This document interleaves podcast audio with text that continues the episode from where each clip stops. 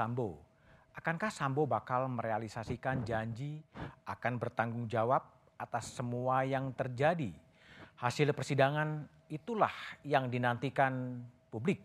Sebelum saya memulai dialog, kita terhubung dengan jurnalis Kompas TV Dian Silitonga yang sedang berada di Pengadilan Negeri Jakarta Selatan. Dian, bisa diupdate bagaimana jalannya persidangan sepanjang hari tadi dalam kasus perintangan penyidikan hari ini?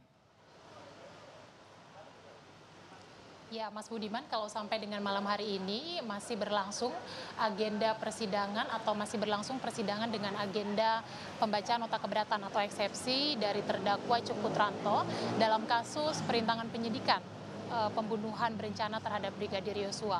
Poin-poin nota keberatan yang disampaikan dalam persidangan ini di antaranya adalah tim kuasa hukum Cuk Putranto uh, menilai dakwaan jaksa penuntut umum ini tidak dapat diterima karena dakwaan JPU dinilai tidak cermat dan tidak sesuai dengan pasal 141 karena tidak menggabungkan perkara padahal uh, masing-masing terdakwa ini saling terlibat. Kemudian juga dinilai tidak cermat karena adanya uraian peristiwa dalam surat, surat dakwaan yang berbeda atau tidak lengkap atas eh, keterangan-keterangan saksi dalam BAP. Kemudian juga dinilai tidak jelas karena uh, tidak menyantumkan uh, secara jelas peran terdakwa. Nah, selain Cuk Putranto, Mas Aiman, Mas Budiman maksud saya tadi juga sebelumnya sudah uh, menjalani sidang pembacaan eksepsi terdakwa Baikuni Wibowo.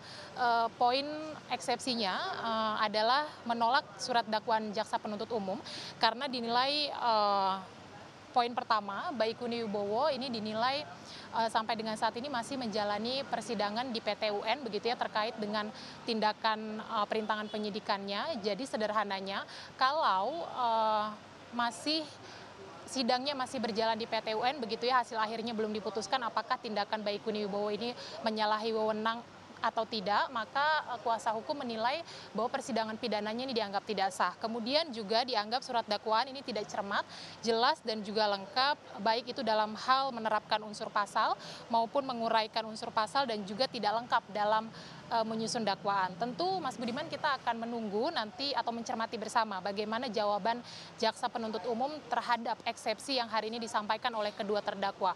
Rencananya uh, jawaban jaksa penuntut umum ini nanti akan disampaikan pada Kamis pekan depan tanggal 3 November 2022. Nah, selain sidang pembacaan eksepsi sebelumnya juga telah berlangsung sidang uh, pemeriksaan saksi terhadap terdakwa AKP Irfan Widianto dalam kasus yang sama perintangan penyidikan. Ada delapan saksi yang tadi dihadirkan dalam persidangan, uh, Mas Budiman dan juga saudara. Uh, mereka di antaranya adalah Abdul Zafar dan juga Marjuki yang merupakan uh, security dari kompleks Duren 3. Kemudian juga ada Afung, ini merupakan pemilik usaha CCTV yang kemudian juga tadi dalam kesaksiannya menjelaskan bagaimana proses penggantian DVR CCTV dan kemudian menyebutkan juga berapa harga layanannya begitu ya. Kemudian ada Supriyadi yang juga merupakan buruh uh, atau pekerja harian lepas. Kemudian juga ada Aditya Cahya yang merupakan anggota Polri. Ini merupakan anggota tim sus uh, Polri bentukan Kapolri Jenderal Istio Sigit Prabowo. Kemudian juga ada Tomser Kristianata dan juga Munafri Bahtiar yang merupakan bawahan dari AKP Irfan Widianto dan juga ada Ari Cahya Nugraha. Kemudian sebelum uh, sidang pemeriksaan saksi ada juga sidang uh, putusan sela yang tadi disampaikan atas keempat terdakwa pembunuhan berencana baik Verdi Sambo, Putri Chandrawati uh, maupun juga Kuat Maruf dan juga Riki Rizal. Tadi putusannya adalah menolak eksepsi dari keempat terdakwa tersebut. Tentu kita masih akan mencermati Mas Budiman bagaimana nanti proses persidangan sampai dengan selesai untuk hari ini. Kembali ke studio. Oke, baik. Terima kasih Dian Silitonga dari Pengadilan Negeri Jakarta Selatan. Menagih tanggung jawab Sambo itulah tema satu meja The Forum malam ini. Di ujung sebelah kanan ada Hakim Agung 2011-2018 Gayus Lumbun. Malam Pak Gayus. Kemudian di sebelah kanannya ada Bang Henry Yosodiningrat. Bang Henry malam sebagai kuasa hukum dari Hendra Kurniawan. Di sebelah kanan saya ada Roni Talapesi, kuasa hukum Richard Eliezer. Di sebelah kiri saya ada Rasa Mala Aritonang, kuasa hukum dari Verdi Sambo. Halo, Dan yang bertopi merah adalah Hermawan Sulistyo, guru besar Universitas Bayangkara. Oke, saya tanya kepada Bang Henry Yosodiningrat dulu. Ini apa sebetulnya sampai terjadi kemudian Hendra Kurniawan dan sejumlah polisi-polisi itu mengikuti perintah Sambo? Dari temuannya apa, apa yang terjadi sebetulnya? Uh, mengikuti perintah Sambo itu atas dasar asumsi atau mempercayai keterangan yang disampaikan oleh Freddy Sambo kepada mereka. Hmm. Jadi mereka nggak tahu bahwa cerita yang disampaikan itu adalah rekayasa. Tidak tahu. Tidak tahu. Jadi kalau saja tahu itu rekayasa sudah barang tentu tidak mereka lakukan. Oke. Ya. Nah, Termasuk Ya. mengambil apa eh, eh, CCTV dan lain sebagainya, merusak itu sebagainya nggak diketahui apa. tidak ada perintah untuk merusak ya.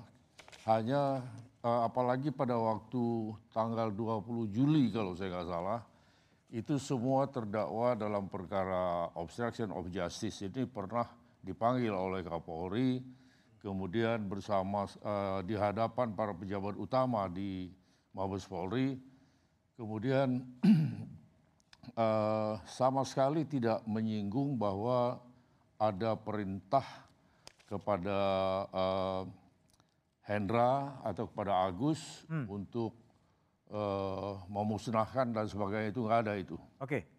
Tapi gini, dalam pembelaan yang Henry lakukan kan ada yang mengajukan eksepsi, ada yang tidak. Itu strategi yang dikembangkan karena memang dakwaannya sudah cukup jelas atau seperti apa?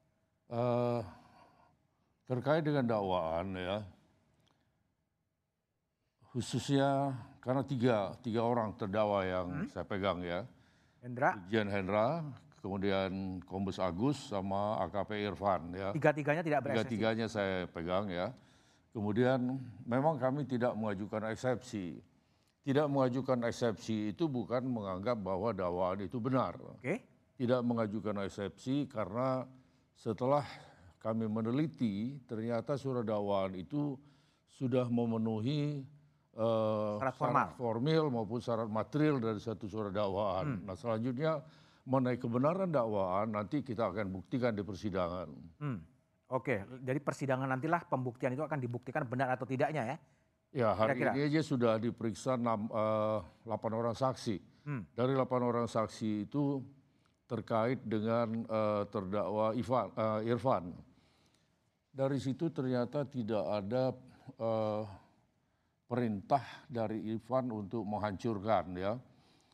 Jadi karena arahan dari Brigjen eh, dari Kombes Agus amankan dan eh, koordinasikan dengan penyidik Jakarta Selatan. Oke. Perintah amankan ini menurut reserse artinya diambil supaya tidak dirusak, supaya diamankan. Bukan amankan berarti ditongkrongin itu Hmm, oke. benda itu enggak. Kemudian diserahkan kepada reserse, eh, kepada penyidik untuk untuk dipergunakan sebagai bukti dalam lidik atau sidik dalam Oke. perkara yang bersangkutan. Oke, baik Bung Henry.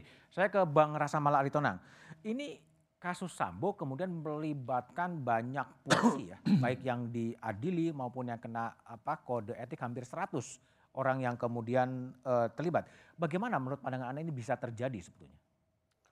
Ya, yang pertama Mas Budiman seperti pernah saya sampaikan juga, tentu pada peristiwa itu Pak Sambo kan memang sebagai kadif propam Oke. punya kewenangan, gitu ya. Itu yang pertama.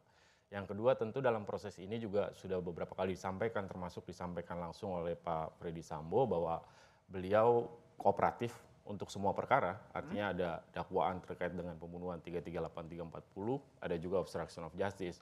Untuk semuanya tentu beliau kooperatif untuk menjalani pemeriksaan ini dan di awal ketika pemeriksaan etik pun sudah disampaikan lewat secara tertulis bahwa beliau bertanggung jawab Bertanggung jawab. bertanggung jawab atas eh, apa perbuatan yang dilakukan. Artinya apa sih bertanggung jawab itu? Namun demikian, Mas Budiman, perlu kami jelaskan bahwa dalam proses pemeriksaan pidana, pertanggungjawaban ini terkait dua. Satu, perbuatan, yang satu lagi kesalahan. Hmm. Jadi pada batas itulah nanti harus dibuktikan. Pengakuan dari seorang terdakwa saja di dalam pidana sendiri itu tidak cukup, tetap harus dibuktikan. Artinya meskipun Pak Sambo kemudian mengakui, dia tetap harus dibuktikan lewat alat bukti yang disajikan di pengadilan bahwa benar memang dia melakukan perbuatan itu dan benar ada kontribusi kesalahan yang timbul sebagai akibat dari perbuatan tersebut. Oke. Nah itu yang nanti ke depan tetap harus dibuktikan, sekalipun kemudian beliau menyatakan kooperatif, akan menjalani proses pemeriksaan ini dan siap bertanggung jawab termasuk nanti apabila ada putusan pengadilan. Tentu sama-sama kita harus tetap memberi ruang kepada beliau juga untuk menyiapkan pembelaan. Baik. Itu, Mas Budiman. Kiki, saya ingin tanya nih, karena kan cukup dekat dengan kepolisian. Kenapa sih kemudian bawaan-bawaan dari Verdi Sambo kemudian mengikuti saja kemudian perintah dari Ferdi Sambo Hanti tidak ada apa upaya untuk mengatakan mengelak sebetulnya. Apa yang sebenarnya terjadi? Relasi Begini. kuasa kah atau gimana? Di dalam struktur organisasi Polri dan juga termasuk eh, apa secara normatif ya garis komando yang paling kuat itu ya di Propam. Oh, Kenapa di Propam? Karena dia harus punya kewenangan untuk menindak eh, polisi yang lain. oke. Nah, tetapi polisi ini bukan militer. Tidak ada komando. Komandan di polisi itu hukum, bukan eh, atasannya. Ah, Nah, jadi kalau atasan itu melanggar hukum, Oke. Dia boleh nangkap, boleh bahkan boleh menangkap, menolak eh, perintah. Dan ini terjadi pada dua, dua kasus eh, kabar reskrim aktif, ya, bintang tiga. Kalau dalam kasus ini, Ya, apakah perintah-perintah Sambo kepada anak buahnya memang harus bisa ditolak atau gimana Tadi kalau menurut Anda? eh, ini yang di wilayah abu-abu karena anak buah menganggap dia kadif propam. Eh, Sesama polisi saja ditindak. Nah salah satu kritik institusional adalah karena penyatuan untuk paminal, pem- eh, apa, penyelidikan dan pemeriksaan segala macam itu menyatu dengan provos. Hmm. Men- eh, dan eh, apa ini membuat pengumpulan kewenangan yang eh, seperti kewenangan komando Oke. seolah-olah seperti itu sehingga anak buah wah dia dia paling berkuasa dia komandan dia jenderal ya udah ikut, Ikut aja, aja. Oke. ini ini di luar kemungkinan bahwa ada iming-iming nanti naik pangkat Naik nanti pangkat. sekolah Oke. atau uang atau apa pun eh, yang bentuknya reward di Oke. luar itu Baik, Eh, Roni Talapesi, kalau kita lihat ya, eh, klien Anda Eliezer kan kemudian mengikuti perintah dan kemudian menembak, terlepas kontroversi ini hajar atau tembak. Tapi dalam kasus yang lain, Ricky Rizal kemudian juga berani untuk mengatakan tidak sanggup untuk melakukan eh, eksekusi. Itu gimana Anda memandang, tapi jawabannya setelah jeda berikut ini.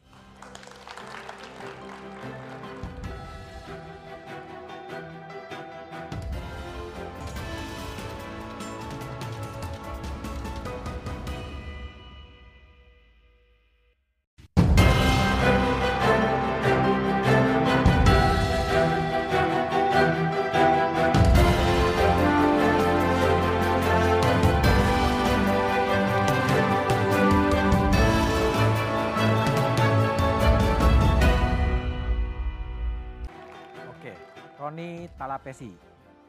Ini analogi ya, Ricky Rizal kemudian berani kemudian menolak perintah dari Sambo. Tapi Eliezer yang juga kemudian diperintah tak kuasa untuk menolak perintah itu. Apa sebenarnya terjadi? Iya Mas Budiman, setelah kami mempelajari berkas ya dan ketika kami mendampingi mengikuti proses di penyidikan, di kepolisian, kemudian sampai ke persidangan, ada fakta yang kami temukan ya Hmm? Terkait dengan saksi Riki Rizal, Oke, terkait dengan kedekatan saksi Riki Rizal dengan saudara FS. oke, Saudara Riki Rizal ini sudah mengikuti dari sejak saudara FS menjadi Kapolres di Brebes. Hmm? Jadi yang kami melihat bahwa di sini ada kedekatan emosional ya, oke, kedekatan emosional. Nah, perlu pahami bahwa dalam eh, kelompok ini ya, Baradae atau Richard Eliezer itu merupakan yang paling junior, paling yang junior. paling yang baru bergabung. Nah, Anda mengatakan karena paling junior paling tidak kuasa untuk menolak perintah. Betul, itu yang mau saya sampaikan ke publik ya. Jadi tingkatan pangkat Bayangkara 2, kemudian di dalam posisi sebagai ajudan, bukan ajudan yang masuk ke dalam ring Hmm? yang terdekat, tetapi yang terluar ya. Jadi klien saya dalam hal menerima perintah dengan waktu yang sangat pendek, nanti kita buktikan di persidangan. Tetapi karena Mas Budiman menanyakan, saya sampaikan bahwa men- menerima perintah yang sangat pendek dengan waktu yang sangat pendek, sehingga klien saya tidak mempunyai pilihan yang lain. Ada rasa takut, ada rasa khawatir. Nah hal-hal seperti itu nanti kita akan cocokkan dengan alat bukti yang lainnya ya. Oke. Kami mempersiapkan juga ahli psikolog. Nanti kita sampaikan di persidangan. Oke, baik. Bung Henry Yosodiningrat. Jadi kalau Bang Henry lihat, sebetulnya seperti Hendra Kurniawan, semuanya itu mengikuti perintah Sambo itu karena apa sih? Karena memang pangkatnya lebih tinggi, kadif propam, semua instruksi harus dijalankan atau karena apa sebetulnya? Bukan. Mereka mengikuti itu karena berdasarkan cerita Sambo yang menurut eh, cerita rekayasa. Dibohongin gitu. Ya, mereka tidak tahu bahwa itu rekayasa. Oke? Ya, nah mengenai kebenaran bahwa cerita yang disampaikan itu adalah rekayasa dan mereka tidak tahu bahwa cerita itu adalah rekayasa. Saya pernah berkomunikasi dengan Freddy Sambo. Dan Freddy Sambo saya tanyakan apa yang Anda ceritakan kepada Hendra, kepada Agus, apakah itu cerita sesuai dengan peristiwa sesungguhnya atau rekayasa saudara? Dia katakan itu rekayasa. Oke. Apakah mereka tahu bahwa itu adalah cerita rekayasa? Mereka dia katakan tidak. Oke. Nah, oleh karena itu saya merasa bersalah, saya merasa berdosa, saya merasa bertanggung jawab, saya ambil alih kesalahan mereka dan saya sudah nyatakan secara Itu conversation antara Henry dengan Ferdi Sambo Kenapa? mengambil alih tanggung jawab tadi itu. Ya artinya Sambo yang mengambil alih orang-orang ini tidak pantas untuk dihukum dia bilang. Oke, sekarang harapan dari Hendra melalui Bung Henry terhadap Sambo tanggung jawab seperti apa? Ya harapannya saya bisa mengungkapkan ini, bisa meyakinkan majelis hakim, meyakinkan persidangan bahwa peristiwa yang sesungguhnya itu seperti ini loh. Kenapa kami mengikuti? Hmm. Kalau saja kami tahu bahwa ini tidak seperti ini, sudah barang tentu mereka nggak mau. Hmm. Jadi harapan dari Hendra memang Sambo yang mengambil alih tanggung jawab ini karena mereka menjalankan Ya, seharusnya demikian. Seharusnya dia harus demikian. terus terang, secara tertulis dia sudah sudah buat ya kita sama-sama pernah baca kalau nggak salah tadi Oke. itu juga ada ditayangkan ya. Nah artinya hakim juga harus memperhatikan itu. Jangan sampai terjadi eh, separuh separuh kebenaran di persidangan itu. Karena separuh kebenaran itu menurut saya lebih buruk dari seluruh kebohongan. Oke. Akibatnya dihukumlah orang yang bersalah, orang yang tidak bersalah. Salah, oke. Dihukumnya orang yang tidak bersalah menjadi urusan dari semua orang yang berpikir. Oke, baik Bung Henry Yosodinirat. Bang Mala, ini sebetulnya tadi ya Sambo pernah menulis bertanggung jawab lewat catatan tertulis. Ini tanggung jawab seperti apa sih yang akan diambil alih oleh diambil oleh Sambo itu sebetulnya? Iya, Mas Budiman, seperti tadi saya sampaikan, tanggung jawab itu ada dua. Pertama, tanggung jawab dalam batas-batas perbuatan yang dilakukan oleh yang bersangkutan. Oke, Yang kedua, tanggung jawab dalam batas-batas kontribusi kesalahan yang ditimbulkan oke, oleh Pak Freddy Sambo. oke, Misalnya kaitan dengan tadi eh, yang disampaikan eh, lewat penasihat hukum eh, Eliezer misalnya. Hmm. Kalau dibandingkan misalnya dengan Ricky, bagaimana Ricky bisa menolak itu kan bisa diukur juga nanti. Dan hakim nanti bisa menilai di dalam pidana misalnya ada Wills theory, ada teori soal kebebasan kehendak. oke. Apakah betul situasi itu sedemikian rupa sehingga orang tidak bisa mengambil keputusan secara bebas sama sekali? Atau masih ada peluang kemudian untuk mengambil pilihan yang lain? Artinya apakah kemudian Nah. Sambo tidak akan mengambil alih tanggung jawab bahwa ini semua perintah dari Sambo? Bukan, sekali lagi Mas Budiman di awal tadi sudah saya sampaikan bahwa dan beliau juga menyampaikan ketika pemeriksaan etik bahwa apa perbuatan yang sudah diakui itu akan dipertanggungjawabkan oleh beliau. Misalnya pengakuan soal yang tadi disampaikan oleh Bang Henry Yoso soal bahwa penembakan tembak menembak yang terjadi di Duren 3 adalah peristiwa yang tidak sebenarnya itu sudah diakui oleh beliau begitu dan beliau akan mempertanggungjawabkan soal itu gitu. Jadi yang dipertanggungjawabkan adalah cerita rekayasanya itu. Ya betul itu dia salah satu- berbohong. itu salah satu Tapi perintah-perintah untuk menembak, perintah-perintah untuk menghajar itu udah di luar tanggung jawab Sambo. Tidak, saya pikir begini Mas Budiman, nanti kan ini fakta persidangan yang masih kita ujikan. Pun kalau misalnya Pak Sambo mengakui seluruhnya, Oke. berdasarkan hukum, maka itu tidak cukup untuk menjatuhkan pertanggungjawaban itu pada Pak Sambo. Tetap kita harus buktikan secara utuh di dalam persidangan tersebut. Ya. Jadi pada prinsipnya terkait misalnya pembunuhan, kita masih harus menunjukkan, karena ini ada dua dakwaan yang diajukan terhadap beliau, Mas Budiman. Satu 340 terkait pembunuhan berencana, yang satu lagi 338. Nah sekarang kan kita harus ukur apakah semua unsur di dalam 340 itu terpenuhi atau unsur ini hanya berkaitan dengan 338. Itu semua walaupun dia akui ini pembunuhan, kita masih harus mengkualifikasikan.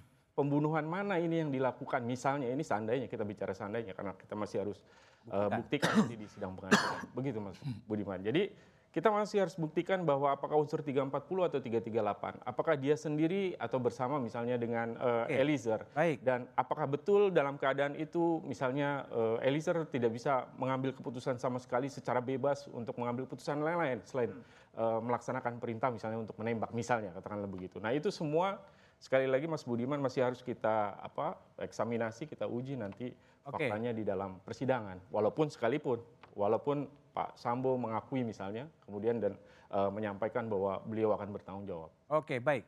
Bung Roni, jadi persisnya yang dilakukan oleh Eliezer adalah sekedar menjalankan perintah dari Sambo dan apa harapannya sih eh, dari Richard terhadap eh, Verdi Sambo tapi jawabannya setelah jeda berikut ini.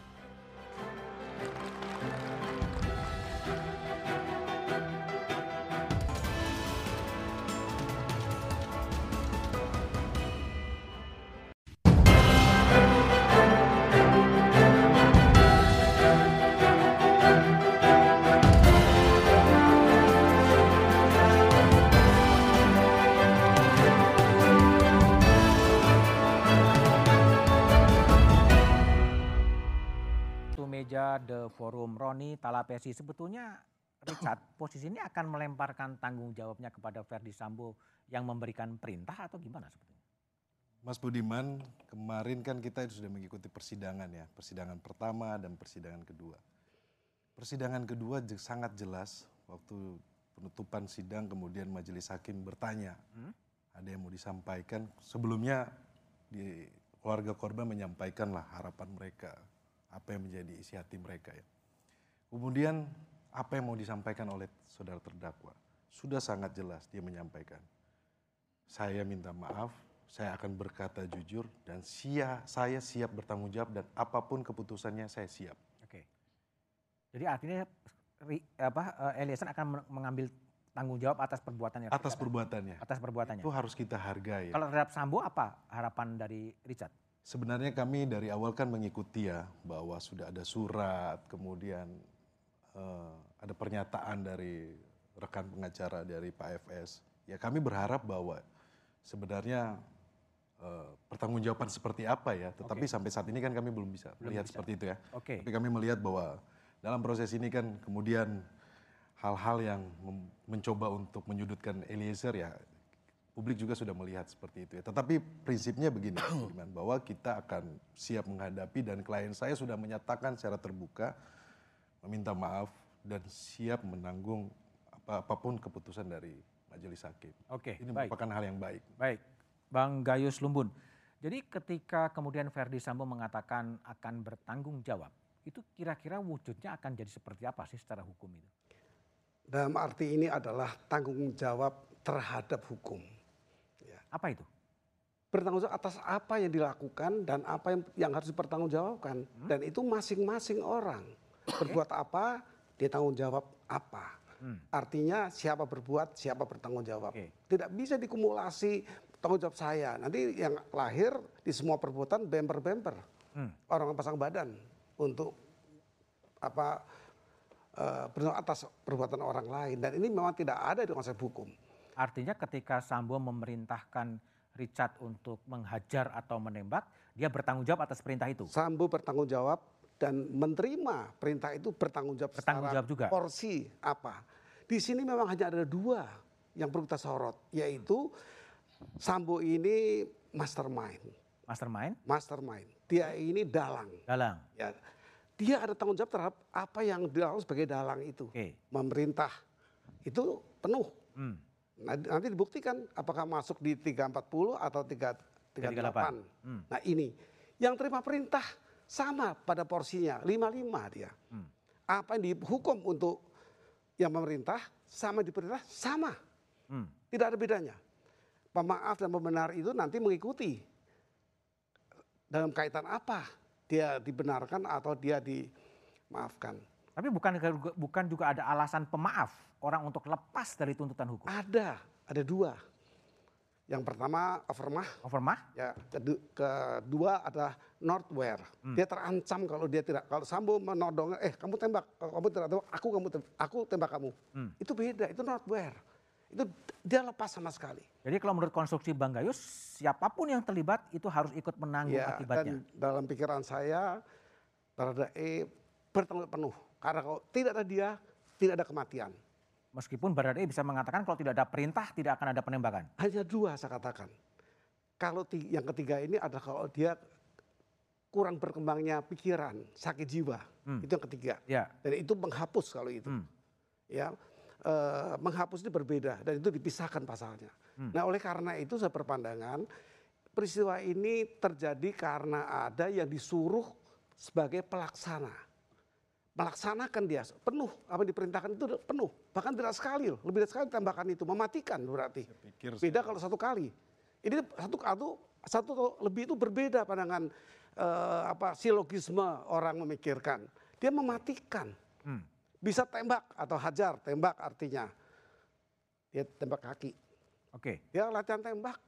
Ini tembak langsung mati dan sekali lagi. Ini mengganggu pikiran saya kalau seseorang mengatakan ini berbeda pandang dalam hal ini. Oke, Roni mau tanggapin? Saya pikir terlalu dini ya kita berbicara ya. Saya karena saya apa yang saya pelajari dalam berkas agak sedikit berbeda Prof ya. Mohon maaf ya.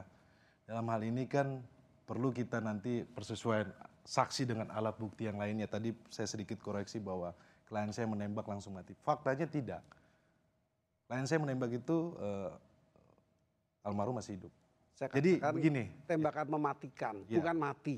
Ya, tembakan jadi yang mematikan. Perlu kita luruskan oke. di sini Prof bahwa kita bersabar bahwa dalam proses ini akan masuk kepada agenda pembuktian. Pembuktian, oke. Sangat baik. penting dalam hal ini saya harus menyampaikan karena kepentingan saya dalam membela klien saya. Hmm. Jadi persesuaian keterangan saksi dan alat bukti yang lainnya nanti kita uji bersama di persidangan. Hmm. Itu menurut Oke, baik. Kiki, jadi Kiki kalau ini kan dari sudut pandang eh, legal apa normatif. Kalau dari sudut pandang Anda sebagai seorang yang bukan belata hukum, belata hukum, ini gimana? Apakah memang kemudian eh, Eliezer ya, ya harus bertanggung jawab dia juga menjalankan perintah dari Sambo tapi dia ikut nembak gimana? Anda Itu lihat? yang selalu saya sebut dengan diskresi. Jadi yang diceritakan Pak Gayus tadi itu diskresi. Bahwa polisi itu punya kewenangan atas dirinya sendiri untuk melakukan eh, mengambil keputusan dan melakukan sesuatu. Setelah itu dia harus bertanggungjawabkan. gitu. Nah, tetapi ini di dalam struktur organisasi yang eh, ada atasannya. Atasan di pada polisi itu adalah manajer, bukan komandan. Jadi tidak harus selalu dipatuhi perintahnya. Memang di dalam eh, aturan-aturan eh, kepolisian ini tidak belum dirumuskan secara jelas diskresi itu di mana batas-batasnya yang disebut Pak Gayus tadi gitu. Nah, itu itu satu. Yang kedua yang saya lihat apa? Ketika diskresi ini diterapkan oleh Sambo, diterapkan oleh eh, Eliezer atau yang lain, yang terjadi adalah penyalahgunaan bahwa diskresi itu tidak boleh termasuk tidak boleh diintervensi oleh orang. Inilah sebabnya kenapa sih penyidik tidak boleh diintervensi supaya tidak ada intervensi politik, tidak ada intervensi uang. Eh, dasarnya itu dari sana. Nah, ketika eh, kewenangan ini tidak bisa diintervensi, disalahgunakan karena dia sendiri pelakunya, ini menjadi sulit gitu. Menjadi sulit. Nah, terjadilah obstruction of justice itu karena apa? Yang seharusnya melindungi itu justru pelakunya gitu loh. Nah, Tapi obstruction of justice kan terjadi karena perintah juga kan? Nah, yang menjadi persoalan adalah ini harus dalam rangkaian kronologi, cerita dan sebagainya. Ceritanya itu direkayasa dan ada sekian rekayasa. Tadi saya bilang jangankan eh, anggota, Kapolri aja dibohongin gitu loh. Hmm.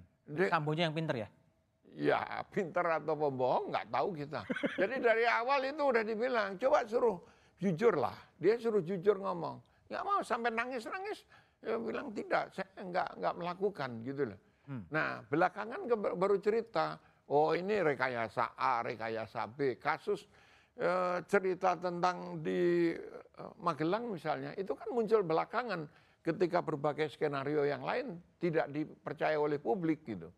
Nah, jadi saya lihat eh, kalau kembali ke persoalan eh, tanggung jawab, ya harus tanggung jawab. Nggak mungkin orang melakukan satu tindakan tidak bertanggung jawab. Hmm, morality dari moralitas eh, itu eh, harus ada tanggung jawab. Nah, kalau dari aspek hukumnya, saya bukan sarjana hukum, saya tidak tahu apakah seperti itu ada eh, tanggung jawab yang derajatnya kan berbeda-beda. Ya. Tanggung jawabnya Sambo, tanggung jawabnya Eliezer sama yang lain kan berbeda-beda. Kalau di dalam eh, eh, etika Oke. profesi itu jelas menghilangkan ini oh kena demosi, menghilangkan itu eh, menghilangkan nyawa hukuman mati misalnya. Oke. Itu eh, ada jenjangnya dan hukuman mati itu ranah pidana bukan ranah eh, Etik. profe- etik. Oke, profesi. Bang Henry Yosodiningrat. Jadi kalau strategi dari Bang Henry untuk eh, mendampingi Irfan, mendampingi eh, Hendra dan lain sebagainya, apa? Sebetulnya semata-mata kepada bagaimana meringankan hukuman dan lepas hukuman atau tetap bisa bertahan sebagai anggota anggota kepolisian? Gini, eh, kita kembali ke topik ini itu menagih tanggung jawab eh, Sambo ya. Hmm. Saya berpendapat lain bahwa dalam hukum pi- pidana itu tidak ada istilah yang saya ambil alih itu tanggung jawab saya. Hmm. Ya, berbeda dengan hukum perdata. Oke. Harapan saya dengan pengakuan dari Ferdi Sambo bahwa dia menceritakan rekayasa dan mereka tidak tahu bahwa itu rekayasa akan menjadi pertimbangan bahwa mereka ini tidak melakukan obstruction of justice. Oh. Ya, itu itu yang penting ya. Karena tidak bisa dengan Ferdi Sambo mengatakan wah ini saya, saya ambil tanggung jawab adik-adik ini nggak cukup begitu, nggak boleh seperti itu, ya. Tapi dengan terbuka seperti ini, eh Ferdi Sambo menerangkan bahwa saya minta maaf, informasi yang saya sampaikan ke kalian itu adalah informasi yang tidak sebenarnya. Oleh karena itulah mereka melakukan apa yang diminta dan perbuatan yang mereka lakukan ini tidak dapat dikatakan sebagai perbuatan menghalang-halangi sebagaimana dirumuskan dalam Undang-Undang tentang ITE dan 221 ayat eh, 221 ayat 2 KUHP kalau nggak salah pasal itu yang didakwakan toh. Karena unsur dengan sengaja, unsur dengan maksud karena di setiap balik dakwaan pertama primer ke pertama subsidiar maupun atau per kedua primer dan subsidiar terhadap semua yang melaku, dituduh melakukan OJ ini disertai dengan unsur dengan maksud. Oke. Ya, unsur dengan maksud tidak ada di sini, ya dengan cerita yang tadi ya sudah saya sampaikan, sehingga unsur melawan hukumnya juga tidak ada, mens realnya tidak ada. Oleh karena itu inilah yang bisa membebaskan mereka. Oke, harapannya memang begitu ya. Tapi Bang Gayus, jadi kalau menurut pandangan Anda, ini kan banyak terdakwa terdakwa baik perintangan penyidikan, baik kemudian turut serta eh, melakukan pembunuhan berencana. Jadi konstruksinya memang akan diukur eh, semuanya harus ikut bertanggung jawab dan semua menanggung akibat secara hukumkah demikian? Atau seperti apa itu? Saya- jawaban Prof. Gayus setelah jeda berikut ini aja.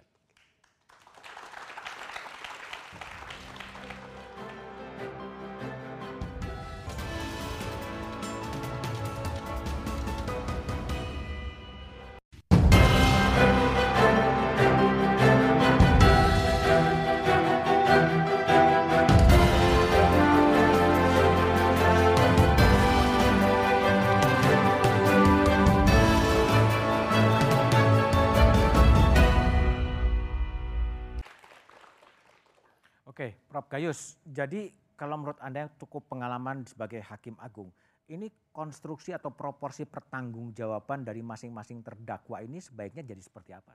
Jadi kita bicara kepada fair trial, keadilannya peradilan.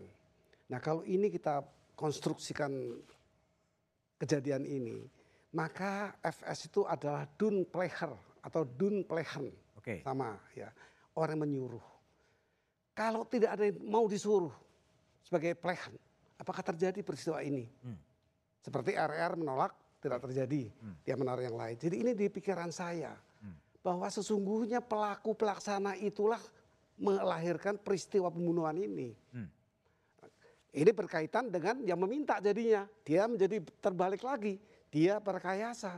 Dia adalah dalang. Nah, seandainya tidak ada yang mau, dia nggak jadi dalang. Gugur, kehendaknya menjadi pupus. Ini persoalan kenapa saya tetap mengatakan pelaksana inilah harus bertanggung jawab penuh. Oke. Ya, dia sudah dewasa, dia anggota kepolisian, Oke. dididik, dilantik sebagai polisi. Ini tidak pernah pangkat, ini kedudukan.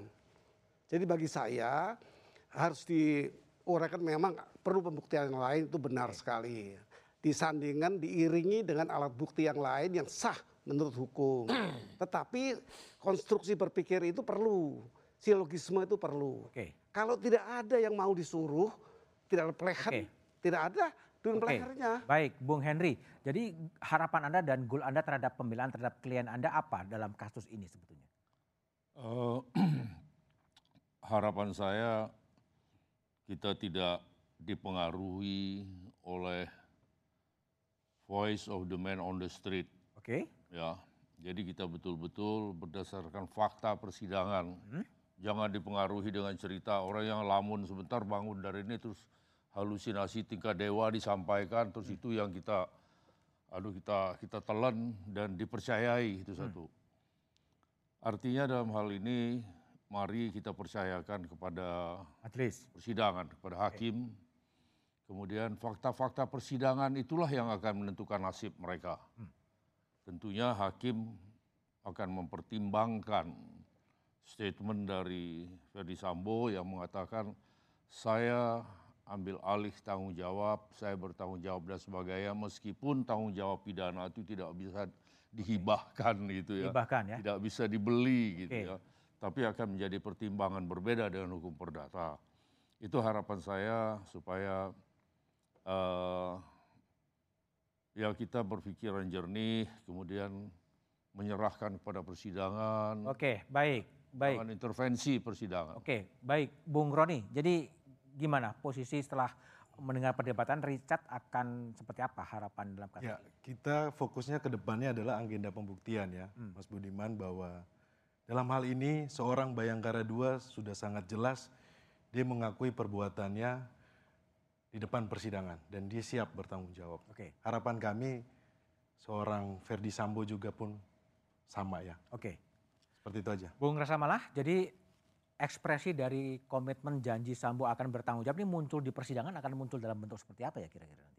Ya Mas Budiman, nanti kan ada kesempatannya setelah saksi-saksi memberikan keterangannya sebagai terdakwa juga Pak Ferdi Sambo juga akan menyampaikan keterangannya sebagai terdakwa. Demikian pula Pak Ferdi Sambo juga kan akan menjadi saksi pada perkara di terdakwa lainnya. Nah beliau tentu akan menyampaikan keterangan apa adanya faktual seperti apa eh, yang diketahui. Sekali lagi seperti saya sampaikan dari awal Pak Ferdi Sambo sudah menyampaikan beliau akan selalu kooperatif dalam pemeriksaan ini, itu yang pertama. Yang kedua beliau bertanggung jawab dalam batas-batas perbuatannya dan kesalahan yang dilakukan. Apa yang disampaikan oleh Prof Gayus barusan sebenarnya bicara soal ajaran kausalitas. Timbul akibat di sini, apa penyebab akibat di sini itu harus dirunut. Dan semua proses ini dalam konteks kausalitas tadi Mas Budiman, ini harus kita sajikan di persidangan. Untuk itulah semua pihak baik dari terdakwa Freddy Sambo, Bu PC juga, nanti ada KM dan lain-lain. Tentu kita sama-sama mengharapkan semua berkata sejujurnya menyampaikan keterangan karena semua kita punya kepentingan yang sama untuk mengungkap secara jernih perkara ini Oke. supaya hakim nanti bisa memutus secara objektif, memutus memberikan keadilan bukan hanya buat terdakwa Mas Budiman tapi juga untuk keluarga korban dan masyarakat. Oke. Saya pikir itu yang semua kita Baik. tunggu dan kita tunggu Baik. nanti persidangannya. Baik, Prof Kiki. Jadi banyak orang berharap bahwa kasus Verdi Sambo dan kemudian muncul lagi Kanjuruan dan kemudian muncul kasus Teddy Minasa. Banyak orang kemudian berharap agar ini momen yang paling bagus bagi kepolisian untuk melakukan bersih-bersih di lembaga kepolisian. Tapi caranya gimana ya? Jadi sebelum itu ada satu eh, catatan yang harus saya sampaikan bahwa jangan menyalahkan korban. Itu di mana-mana eh, sering kali korban disalahkan karena tidak fokus pada tindakan kejahatannya itu. Melebar ke mana-mana. Sehingga korban yang sudah meninggal itu kan jadi korban. Kemudian dipersalahkan. Nah ini yang terjadi pada kasus eh, apa Brigadir J ini, yang terjadi pada kasus Kanjuruhan, ya. Yang sudah jadi korban dipersalahkan. Itu viktimisasi namanya. Eh, Korban dipersalahkan, menjadi korban dua kali. Nah kalau untuk eh, kepolisian sendiri ini pelajaran yang sangat mahal bahwa eh, kita butuh polisi, ya pastilah gitu ya. Eh, yang menjadi soal adalah bagaimana kontrol ini bisa efektif. Nah, kontrol ini bisa efektif karena adanya prinsip diskresi itu tadi. Dipikir kalau eh, kita boleh mengambil tindakan dengan eh, apa keputusannya sendiri itu bisa semena-mena, bisa seenaknya. Ini yang terjadi. Sehingga kita lihat nah, sorotan publik dan kasus-kasus penyimpangan eh, kewenangan lebih ba- banyak terjadi pada eh, sektor penegakan hukum. Tapi orang lupa bahwa polisi selain penegakan hukum juga pelayanan publik. Nah pelayanan publik ini kurang disorot, meskipun tidak sempurna, masih banyak pungli, banyak ini segala macam. Tapi ini jauh lebih eh, lebih baik ya. Sehingga kalau saya secara pribadi menyarankan tirulah yang ini gitu loh. Yang Bagi- ini yang mana? Yang yang pelayanan publik supaya ada kontrol. Kalau pelayanan publik kan eh, apa eh, masalah SIM, masalah lalu lintas, semua publik langsung tahu. Oke. Nah, kalau penegakan hukum orang nggak boleh tahu dan tidak tahu Oke. gitu. Ini ke kita dengar setiap hari di mana-mana dan dimanfaatkan juga kemudian oleh siapa? Oleh penjahat yang melakukan kejahatan. Eh, Oh, saya kasus saya direkayasa, padahal Oke, enggak. baik, memang, baik. memang penjahat kan gitu. ikut reading the wave ya. Thank you. Prof Kiki, Bang Mala, Bung Roni, Bung Henry dan eh, Prof Gayus. Verdi Sambo pernah mengatakan akan bertanggung jawab atas perbuatan yang dilakukannya. Sikap itu bijak dan dinanti publik. Panggung persidangan adalah tempat yang paling tepat bagi Sambo untuk merealisasikan janjinya untuk mengambil tanggung jawab hukum dan moral termasuk terhadap anak buahnya. Demikian satu meja di forum malam ini. Sampai jumpa pekan depan. Selamat malam dan terima kasih.